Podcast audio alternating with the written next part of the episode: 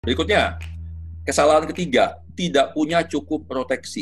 Nah, ini penting ya, terutama asuransi jiwa. Karena kenapa? Asuransi jiwa Anda boleh punya multiply, multiple polis. Anda boleh punya lebih dari satu. Anda boleh punya tiga. Anda boleh punya lima. Ya, Anda boleh punya uh, sepuluh gitu ya uh, polis gitu. Silakan dan semuanya bisa diklaim. Berbeda dengan asuransi kesehatan, Anda bisa klaim semua, tapi ada batas maksimal sejumlah tagihan Anda. Tapi kalau asuransi jiwa, Anda punya 10 uh, polis, Anda boleh klaim 10-10-nya gitu ya. Nah, tapi yang sering terjadi apa? Balik lagi, karena agent menjualnya berdasarkan kemampuan kita membeli polis, bukan berdasarkan menghitung kebutuhan proteksinya, maka yang sering terjadi dan ini saya bisa katakan statistiknya 9 dari 10 orang lah. Pasti kalau Anda punya polis asuransi, Anda kurang proteksi. ya Khususnya asuransi jiwa. ya Karena faktanya adalah um, rata-rata orang tuh butuh kita kalau proteksi asuransi jiwa kita nyebutnya di asuransi namanya UP, uang pertanggungan. Anda butuh uang pertanggungan itu rata-rata di atas satu miliar. 1,2, 1,5, 1,8 ya.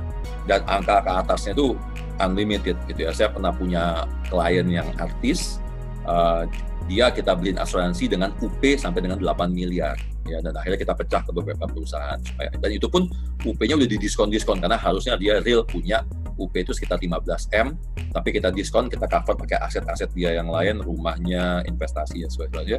Akhirnya dibutuhkan sisa UP sisa UP-nya hanya tinggal 8 miliar ya.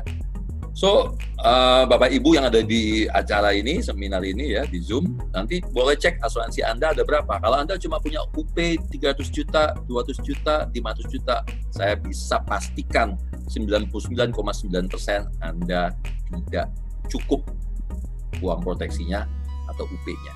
Ya. So, disebut dengan under insured. Ini istilah namanya under insured. Tidak punya cukup proteksi jangan uh, pede bahwa wah Pak saya punya 10 polis Pak gitu ya.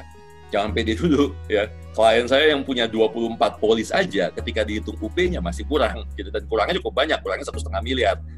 Terus pertanyaannya adalah 20 polis ngapain aja? Karena polisnya kita sebutnya polis receh. UP-nya ada yang 50 juta, ada yang 100 juta, ada yang 150 juta. Ketika di total-total, UP-nya hanya sekitar 1, sekian M. Padahal dia butuhnya hampir 3 M, jadi dia masih kurang gitu ya. Sementara premi yang dia bayarkan cukup banyak, dia cukup bayar premi kalau salah hampir 40 juta per tahun, 40 juta per tahun ya waktu itu ya. Ini kita bicara uh, 2006, 2007 klien saya ya. ya. Jadi punya banyak polis one thing, yang paling penting adalah UP-nya uh, tercover nggak? Ya, mendingan cuma punya polis satu atau dua saja, tapi UP-nya tercover. Ya, cara ngitung UP juga ada di kami di kelas di kelas perencanaan keuangan kita punya uh, tiga cara ngitung UP ya, ada yang disebut dengan human life value, income based value, survival based value, tapi kita nggak akan bahas di sini. Tapi intinya adalah Anda butuh itu. Oh, Anda bisa ngitung UP dengan cara uh, masuk di aplikasi Monesa, ya. Anda bisa ngitung berapa sih kebutuhan UP atau aplikasi partner kita atau sister company kita namanya Bergas Waras. Di situ ada cara ngitung UP dengan cara memasukkan penghasilan, masukin keluaran, masukin usia, kemudian masukin status nikah atau nggak nikah, terus jumlah anak, nanti mereka akan hitungkan secara otomatis ya di aplikasi berapa sih UP minimal yang sebaiknya kita miliki gitu ya. Tapi itu kalau nggak salah hanya menggunakan satu metode itu. Ada sekitar tiga metode. Kalau mau lebih detail nanti bisa tanya ke uh, perencana keuangan kita di uh, Monesa ya. Itu mereka rata-rata udah diajarkan cara menghitung uh, uh, UP yang dibutuhkan. Nah ini yang sering terjadi. Ya. Oke, Nah, tadi ya, salah hitung uang pertanggungan itu sering banget ya terjadi. Kedua, nah, yang sering terjadi adalah apa? Salah hitung karena kenapa sih? Kalau salah hitung karena tidak ngerti cara ngitungnya. gitu. Ini lucu banget ya. Jadi saya dulu kan um, awal tahun saya pulang ke Indonesia itu uh, kerja di perusahaan manajer investasi yang masih jadi bagian dari holding satu perusahaan asuransi besar. Ya, uh, dan saya ingat banget gitu ya saya ingat banget uh, itu saya hampir tiap minggu hampir tiap minggu dikejar-kejar sama agen untuk mereka nawarin saya uh, uh, polis asuransi jiwa ya dan saya cukup bilang sama mereka adalah dengan simpelnya saya bilang ini, oke okay, Bu, terima kasih dari offer. Saya cuma minta satu adalah berapa sih UP yang saya butuhkan, saya bilang gitu. Dan saya pengen tahu bagaimana cara Anda ngitung, ya.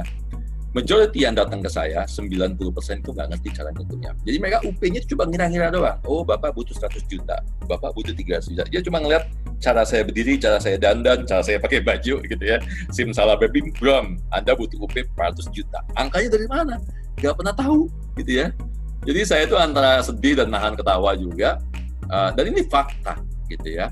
Meskipun kemudian banyak yang belajar, ada yang bilang UP-nya itu harus 10 kali uh, apa namanya penghasilan ya. Tapi itu juga nggak tepat juga gitu ya. Itu oke okay lah punya 10 kali penghasilan tahunan tapi belum tentu angkanya seperti itu ya. Karena UP itu bisa naik dan bisa turun ya.